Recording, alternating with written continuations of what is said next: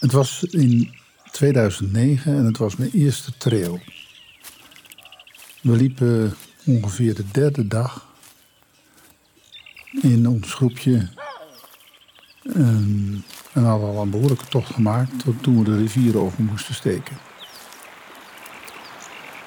En Wayne, onze gids, een Zuid-Afrikaan, die eh, ging eerst met een lange stok onderzoeken of de rivier eh, ja, in orde was. Dat er geen uh, krokodillen in zaten en zo. En de rivier is niet diep, die komt hoog uit tot je knieën, maar toch. En toen hij daar zo liep, uh, bleven wij rustig staan. We hadden onze backpacks afgedaan en die lagen daar aan, de, zeg maar aan het oever van het riviertje. En we keken rustig toe hoe hij de rivier inspecteerde. En op een gegeven moment kwam daar een grote olifant aan de overkant van de rivier. En die bleef zo staan kijken, slurf omhoog en hij probeerde ons te ruiken. Ze kunnen niet zo goed zien, maar ruiken des te beter. En hij wilde kennelijk ook die rivier oversteken. Dus uh, Wayne kwam bij, terug bij ons en die riep in Zulu: hey, grote berg, wat ben je van plan? Nou, de, olifant die schudde een beetje met zijn oren en maakte toch aanstalten om naar beneden te gaan. En Wayne zei tegen ons, nou laten we een metertje of 10, 15 naar achteren gaan. En de olifant die stapte rustig door de rivier en stapte recht op onze backpacks af die daar aan de rand van de rivier lagen. En ik hield mijn hart vast, want ik dacht van, oh, daar zit al ons voedsel in voor de rest van de week. Wat zou er gebeuren? Maar hij stapte er rustig overheen en ging zijn weg naar rechts. En de grote les die ik daarvan geleerd heb, is dat een soort leiderschapsles. Als je respect toont en de ruimte geeft, krijg je respect terug.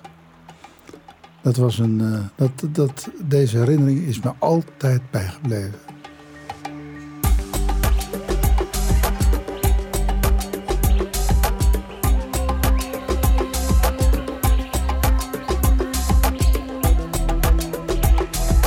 Ja, een bijzonder verhaal. Ik heb hem eigenlijk al een paar keer horen vertellen.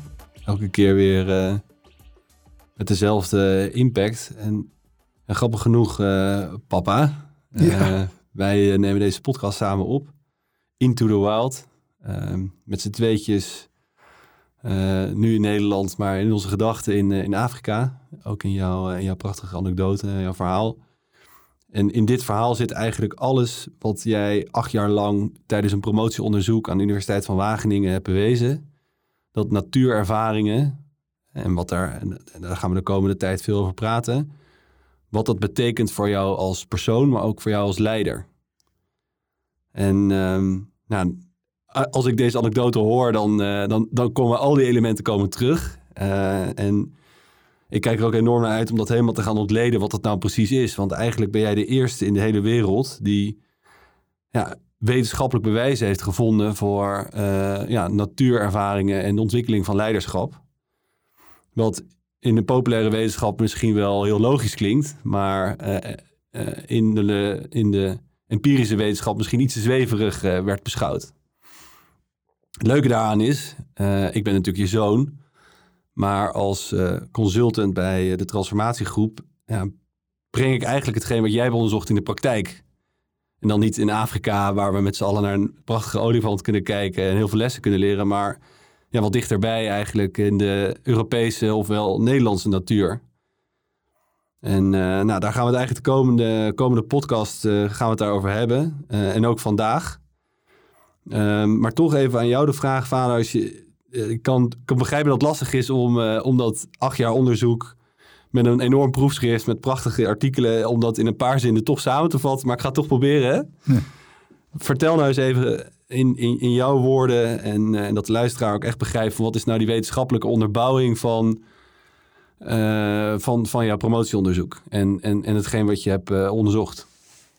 Oeh, om dat even in kort samen te vatten, ja, is eigenlijk wel het volgende.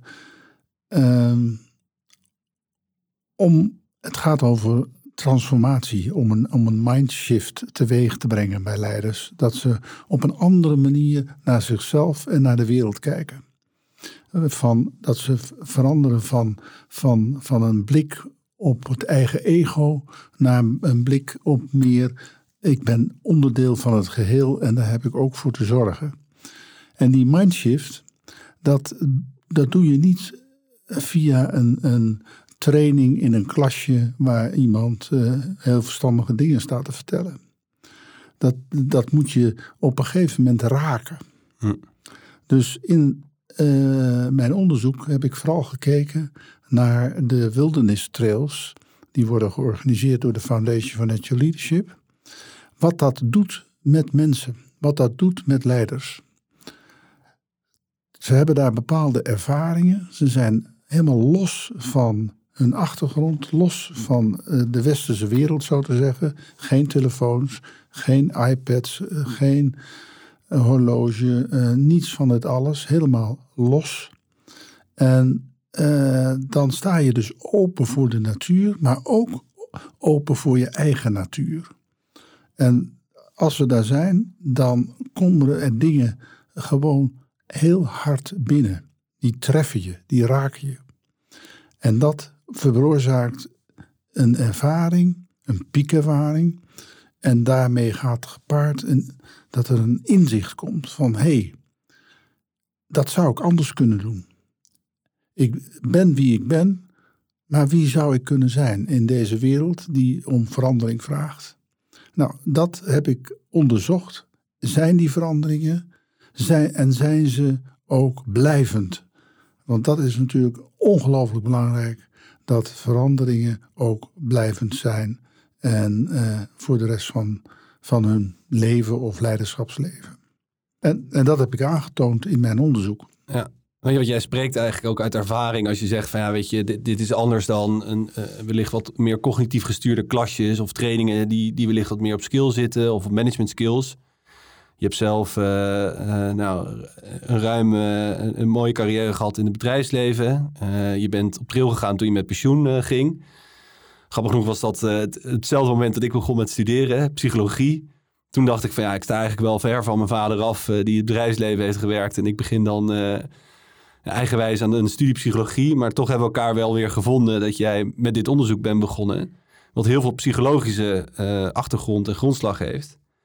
Waardoor ik uiteindelijk ook zelf door eerst een paar jaar in het bedrijfsleven te werken erachter ben gekomen dat ik daar ook in de praktijk wat mee wil. En, uh, en mensen ook daarin wil, de, ja, wil helpen de volgende stap te zetten. Nou, en jij hebt het over persoonlijke transformatie. Ik uh, begeleid bedrijven en ook teams in hun, in hun gezamenlijke transformatie. te meer ook om meer verbinding te komen met jezelf en meer verbinding komen met elkaar. Ja, en dat is tegenwoordig toch makkelijker als je niet wordt afgeleid. Inderdaad, precies wat je zegt, door je telefoon en, en, en een mail en uh, ja, de, de, de, de haast van alle dag.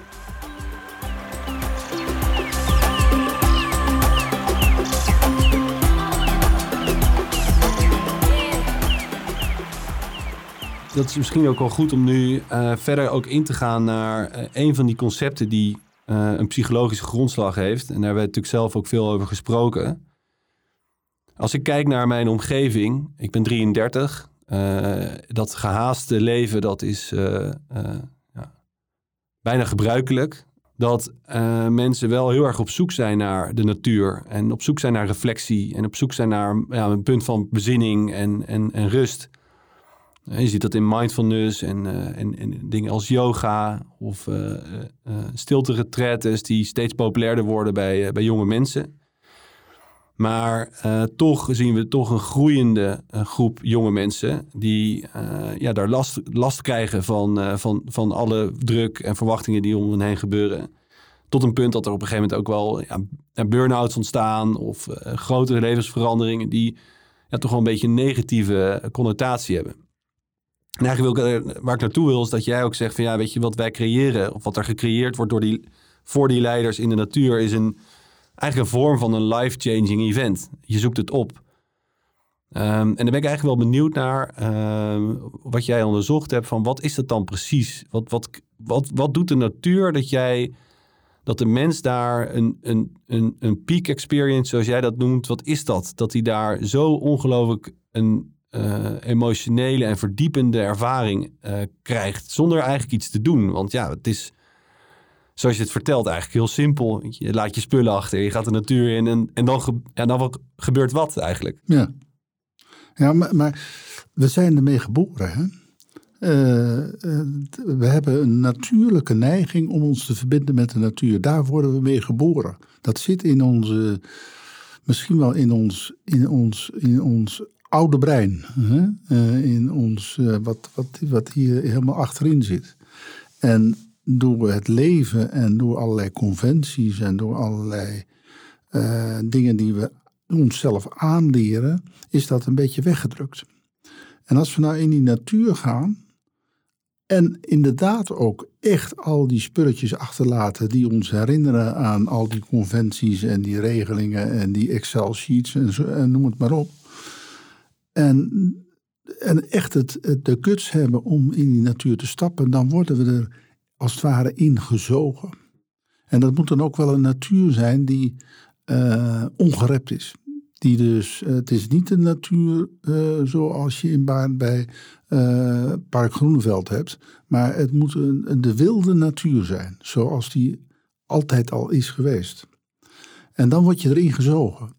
En uh, dat zal jij ongetwijfeld weten. William James was de grondlegger van de psychologie in de 19e eeuw al. En die noemde dat involuntary attention.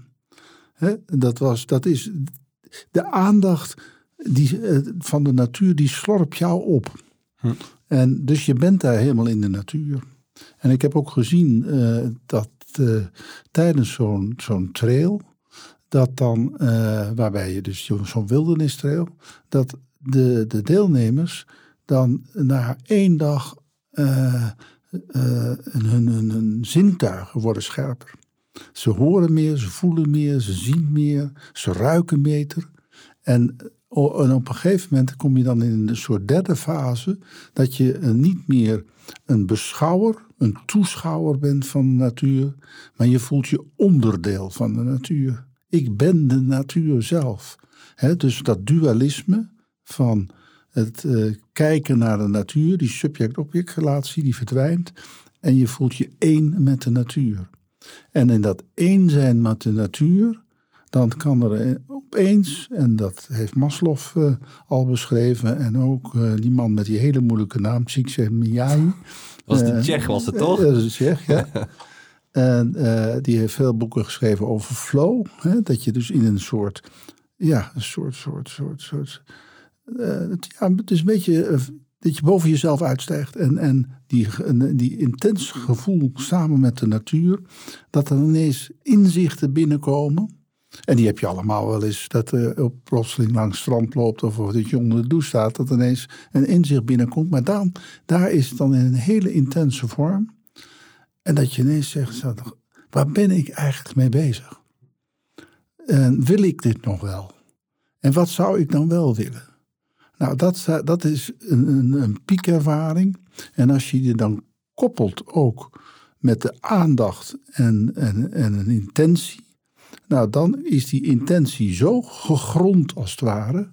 Hè, in, eh, dat, dat daaruit een soort creatieve kracht ontstaat, inspirerend, om er ook werkelijk stappen te zetten om het te gaan doen. Ja. En daar zeg je eigenlijk dat in de psychologie heet dat het episodisch geheugen. Ja. Omdat als iets in je leven gebeurt wat een emotionele lading heeft, zou je er ook altijd aan teruggrijpen aan het. Dat was het punt dat ik die beslissing nam. Of bij die vriendin misschien wegging. Of een keer echt me op, opstond en tegen mijn manager zei van nu is, nu is, nu is het klaar.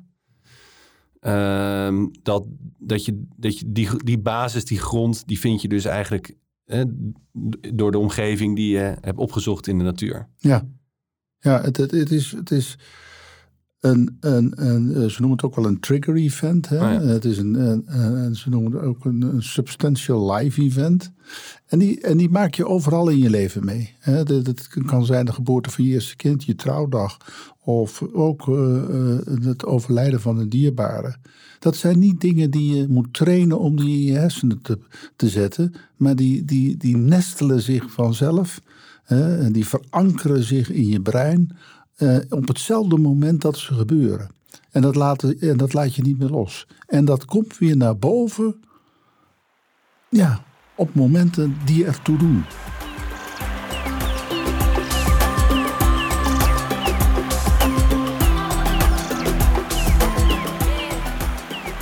En dan ben ik toch wel benieuwd, want jij hebt zelf in je anekdote net verteld over jouw ja, prachtig verhaal over de, de olifant in de rivier. Wat jou een inzicht heeft gegeven eh, in, in hoe jij en daar eh, ook in het leven staat. Die koppeling naar leiderschap.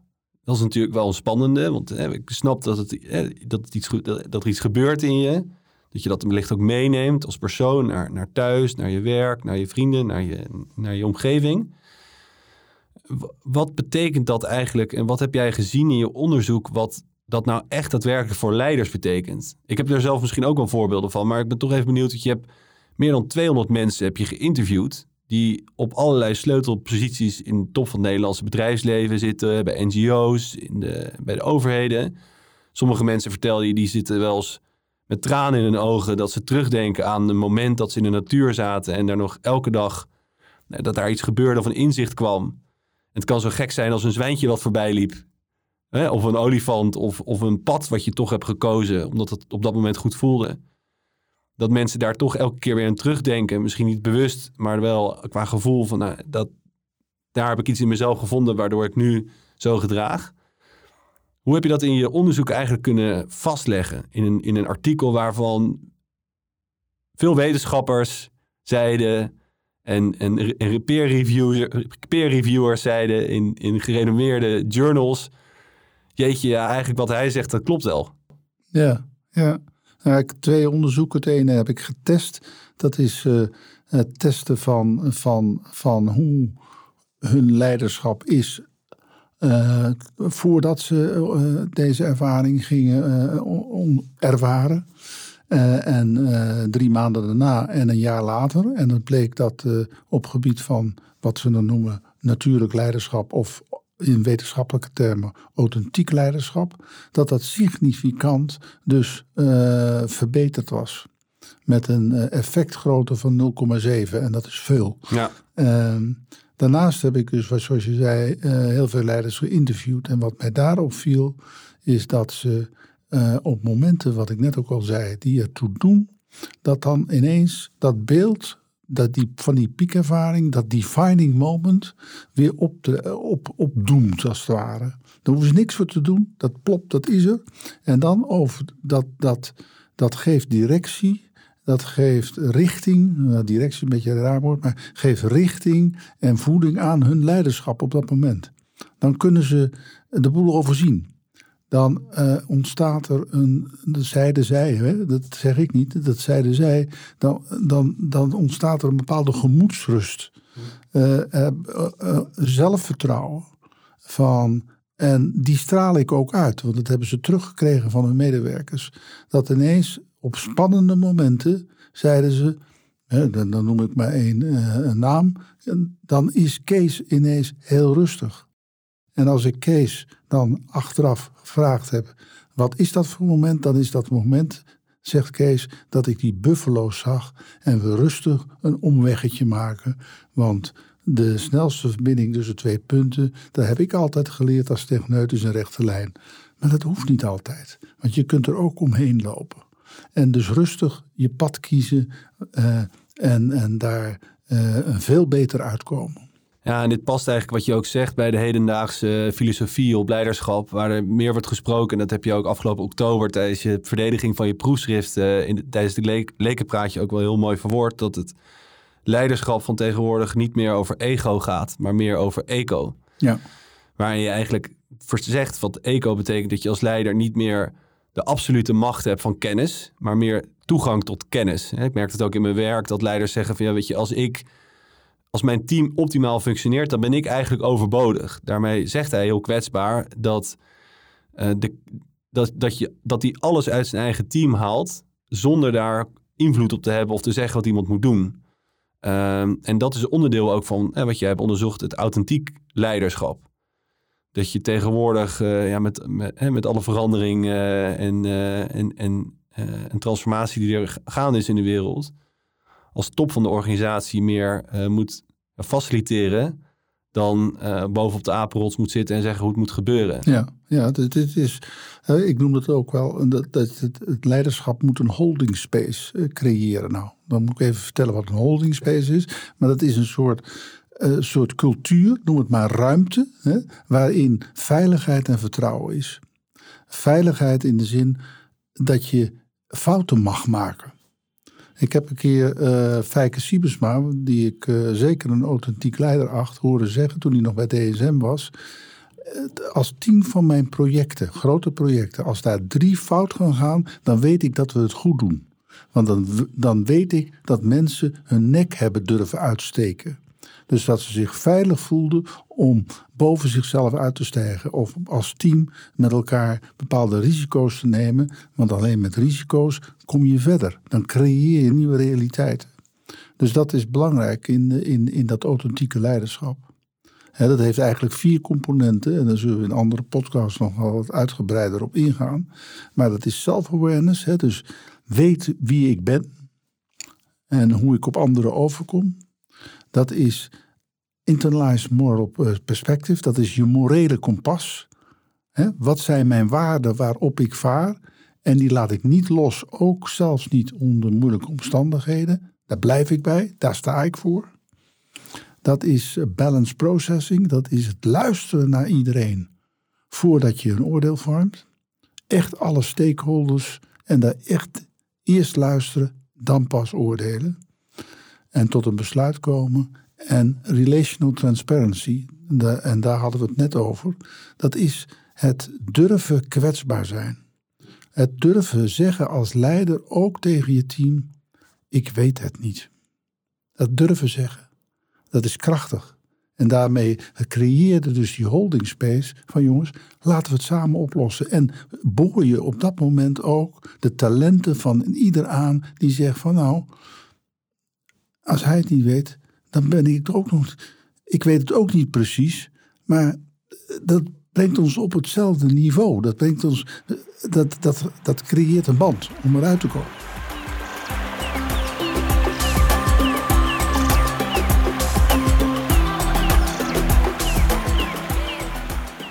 Ja, een authentiek leiderschap klinkt misschien uh, wat, wat populair, maar het is iets wat ik in mijn eerste jaar psychologie, uh, ook weer een tijdje geleden in 2007, uh, gewoon verplichte leerstof was. Uh, wat betekent dat het gewoon een, een bewezen concept is in de psychologie. Wat jij verbonden hebt eigenlijk aan, aan een natuurervaring. Ja.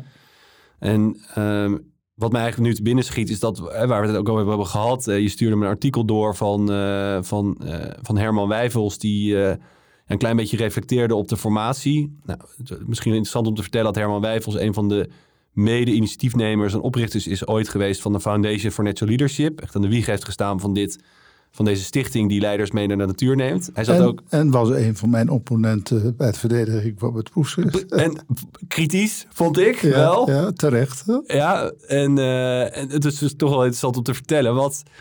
Ja, en, uh, en het is dus toch wel interessant om te vertellen wat want ja, weet je, ik dacht van, nou, weet je, Herman Wijvels, eh, eh, voorzitter van de raad van bestuur van de Rabobank geweest, eh, oprichter van de Circle Economy, eh, nou, voorzitter van de SER. Precies.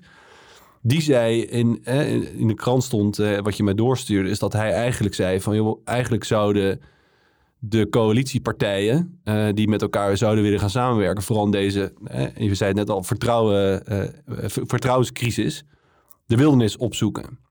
Ja. Toen ik dacht, toen hij als opponent bij jouw uh, proefschriftverdediging stond, zat, dacht ik van, nou weet je, dit is voor hem... Hij staat alleen maar te juichen en, en te klappen. Maar hij was toch, toch wel interessant om even weten. Waar was hij nou eigenlijk zo kritisch op? Wat, wat, wat waren de vragen die jou ook een beetje triggerden? Nou ja, wat hij dus wel vroeg is... Ja, wat heeft het nou met een organisatie gedaan? Kijk, in mijn onderzoek, je moet jezelf toch op een gegeven moment limiteren. Ik ben acht jaar bezig geweest en ik heb op een gegeven moment grenzen gezegd. Wat doet het met leiders? Ik heb wel uh, hier en daar vragen gesteld over wat, wat, hoe, komt het, hoe kom jij nu over bij jouw medewerkers? En daar heb ik ook eerlijke antwoorden op gekregen. Maar ik ben niet zo ver gegaan dat ik de organisatie ben ingedoken en dus hun medewerkers allemaal heb gevraagd: wat, wat, wat, wat vind je nou veranderd aan die man of vrouw? dus dat, uh, en daar was hij uh, kritisch op, terecht. En, maar ik heb dat ook wel in mijn proefschrift gezegd. een proefschrift is nooit af. Er is altijd reden voor verder onderzoek. En dat is het mooie ervan, van wetenschap, dat het, al, dat het nooit af is. Nou, ik denk dat ik nog wel echt tot mijn pensioen moet wachten. Totdat ik de tijd eventueel ga vinden om het verder op te pakken. Maar het heeft me wel zeker geïnteresseerd. Want eigenlijk had ik daar het liefst antwoord op willen geven op dat moment. Ik, ik, was jouw parenneef, ik zat naast je. En, uh, en, dan heb je een ceremoniële functie om uh, de stellingen voor te lezen. Maar goed, uh, gelukkig werd er ook een vraag gesteld van... joh, is het ook mogelijk dit soort ervaringen, dit soort peak experiences te, te bereiken... in de, wat, wat, de natuur die wat, dicht, wat meer dichtbij is? Nou, daar gaf je gelukkig al goed antwoord op. en door, door mij te noemen... en ik kan het ook wel erkennen, is dat die nou, ik zou zeggen, ik ga met, met teams wel eens uh, vier, drie, vier dagen in de Nederlandse natuur. Daar zoeken we echt plekken op waar je niet afgeleid wordt van buitenaf. Het, liefste zo min mogelijk mensen tegenkomt. Nou, is dat in Nederland, zou je denken, niet mogelijk, maar dat is echt wel mogelijk. Waar je echt dagenlang wandelt met elkaar. Uh, zonder afleiding van telefoon. Wat hartstikke spannend is. Want mensen willen, eh, voelen zich graag heel erg nodig en willen bereikbaar zijn dat je eigenlijk in een, misschien wel in een light versie wel enorm veel voor, voor elkaar kan krijgen. En het belangrijkste is, dat haalde je net ook aan, is dat je dan met een team of met een groep mensen vrij snel wel tot een basis kan komen van vertrouwen en veiligheid. En vertrouwen en veiligheid is ongelooflijk belangrijk voor een team om echt goed met elkaar samen te werken. Als je elkaar vertrouwt, kan je ook elkaar oprecht feedback geven. Zonder dat je het gevoel krijgt van ja, nu moet ik me verdedigen of ja, weet je, dat er zit allemaal stoelpoten te zagen of elkaar vliegen afvangen. Dit is gewoon gemeend vanuit betrokkenheid naar elkaar ook. Weet je, het is, het is niet, het is bedoeld om, om elkaar te helpen, maar ook het team te helpen en uiteindelijk natuurlijk de organisatie. En als je die betrokkenheid hebt, dan voel je ook verantwoordelijk uh, naar elkaar toe en naar het team toe. En uh, dat wordt nog wel eens overgeslagen als je kijkt naar organisaties of CEO's die, met, die binnenkomen of die uh, naar aandeelhouderswaarde, uh, vergroot van aandeelhouderswaarde zoeken of eigenlijk gewoon direct naar een snel resultaat willen. Dat als je dat vertrouwen en, en dat, dat werk aan vertrouwen en veiligheid overslaat, ja, dat je daardoor ook gewoon niet een functie, goed functionerend team krijgt. En dus ook niet naar een goed resultaat kan gaan. Ja, ja je, moet, je moet eigenlijk, maar daar zullen we het ook nog wel over hebben, door een soort U gaan. Hè? De, de, de U-theorie van, van van Otto Charme is daar uh, een, ja, een, een, weergave van. Kunnen we ook een hele aflevering over hebben overigens. Ja, eh, dat zeker. Maar wat je doet uh, met een team is vaak gelijk in de analyse springen en dan naar de oplossing.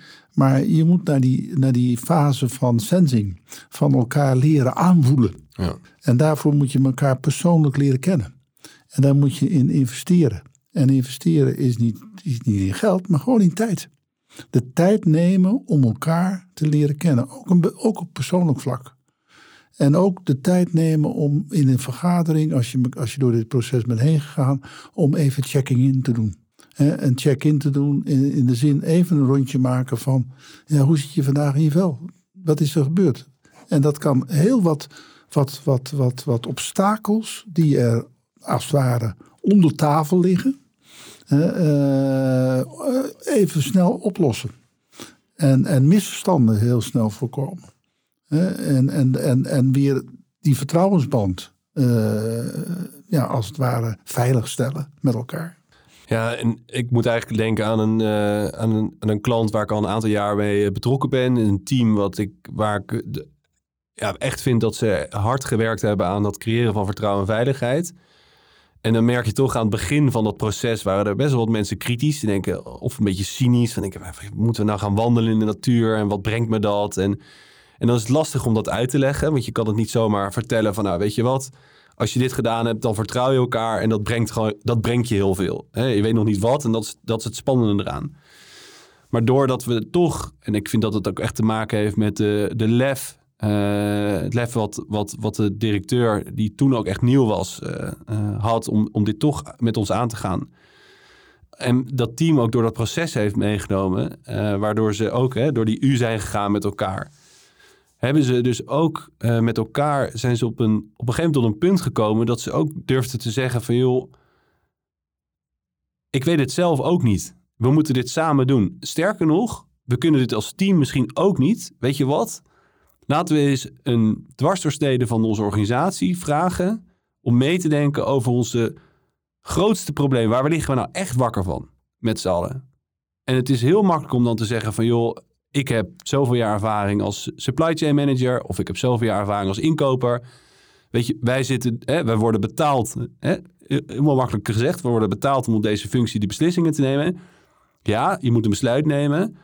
Maar, maar laten we eens kijken wat voor een informatie en wat voor kennis en wat voor er, vaardigheden er in de organisatie zijn die ons kunnen helpen. Dat is heel kwetsbaar. En ik denk, nou, ik weet bijna wel zeker dat ze dat punt dat, dat ze dat niet met z'n allen hadden aangedurfd als ze niet met elkaar door die U waren gaan, die dat vertrouwen hadden gevoeld om daadwerkelijk ook die stap te durven zetten. Om te zeggen, joh, wat je, we willen graag van de rest horen, van de organisatie horen, hoe ze daarover nadenken. En het interessante is dat je daarmee tot compleet nieuwe antwoorden komt. Daar zijn ze echt door verrast. Weet je wel, dat zijn dingen waar, je, uh, waar ze van tevoren nooit over na hadden gedacht. Maar wel hebben gedacht van, weet je, als dit, als dit onze mensen zeggen, hoe de toekomst van onze, onze organisatie eruit moet zien, dan moeten we daar ook serieus in zijn. En dan moeten we daar ook plannen van maken. Dan moeten we ook budgetten tegenover stellen. En dan moeten we daar ook actie in ondernemen. Ja.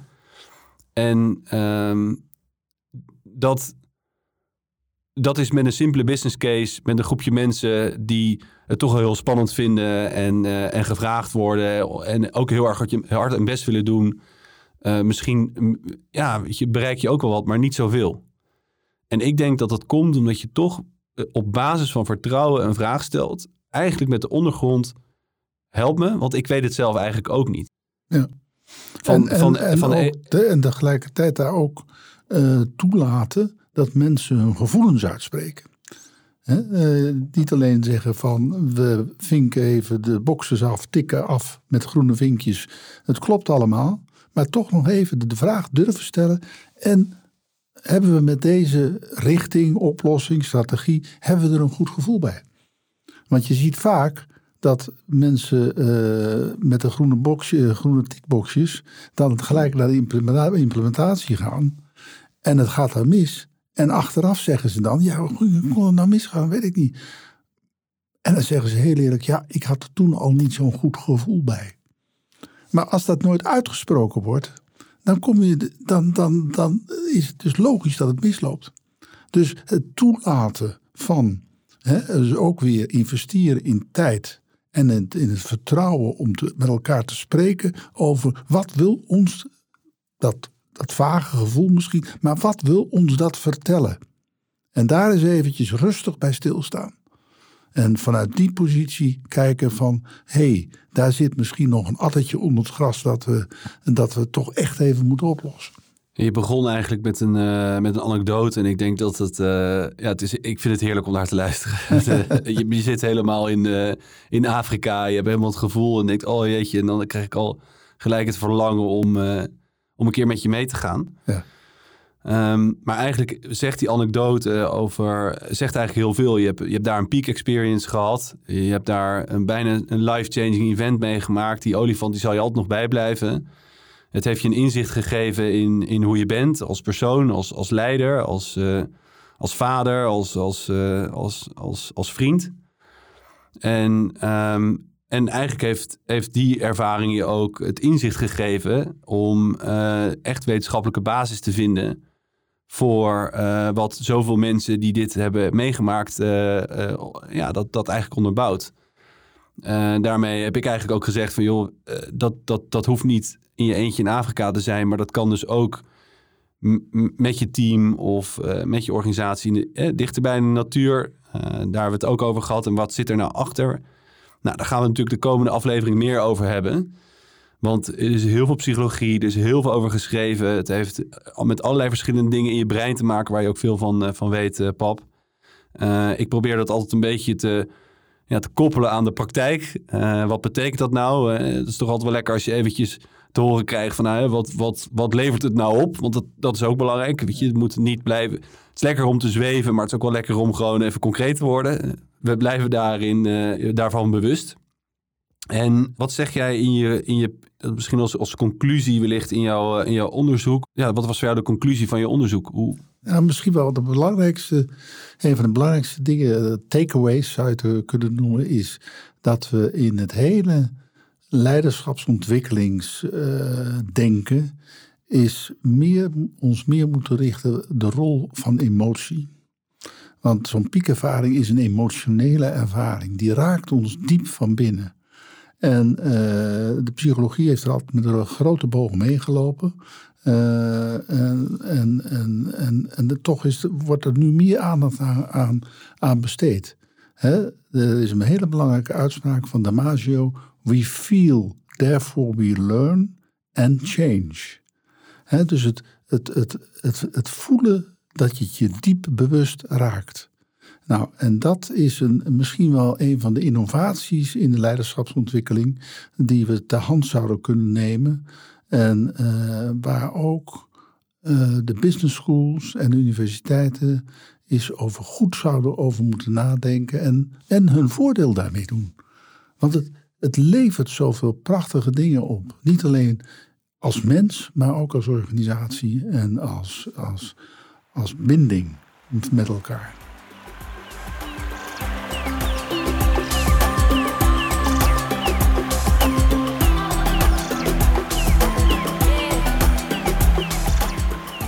Nou, ik denk dat het ook wel interessant is dat mocht je hier meer over willen weten, uh, sowieso ga naar de website van uh, de Foundation for Natural Leadership. Uh, wat zit die ook weer? Naturalleadership.eu.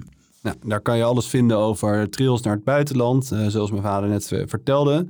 Mocht je denken van, nou jeetje, dat is eigenlijk wel heel gaaf voor, me, voor mijn bedrijf, voor mijn team. Wat, wat, wat doe je dan precies? Hoe werkt het allemaal? Kijk dan op de transformatiegroep.nl. Ik kom graag met je in contact. En is er ook iets waar we mensen kunnen naar kunnen verwijzen ten aanzien van je proefschrift? Ja, het, het, is beschikbaar bij, bij bol.com en Amazon. Nou, dat hartstikke mooi. Nou, we zetten het ook wel in. En, de... en het heet dan The Impact of Wilderness-Based Training on Leadership Transformation. Ja. ja, dat is altijd mooi. Een proefschrift hebben altijd prachtige titels. We zullen het in de, in de show notes zetten met linkjes ook uh, naar uh, ook krantartikelen waar het ook in staat omschreven, zodat iedereen dat, dat eventueel kan lezen als ze er zin in hebben.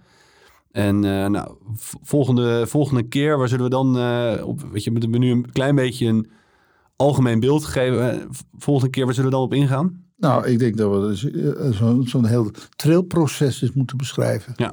Hè? Uh, want ik heb al even genoemd dat het gaat om uh, dingen loslaten. Maar, wat, hè? maar er gaat een heel proces aan vooraf.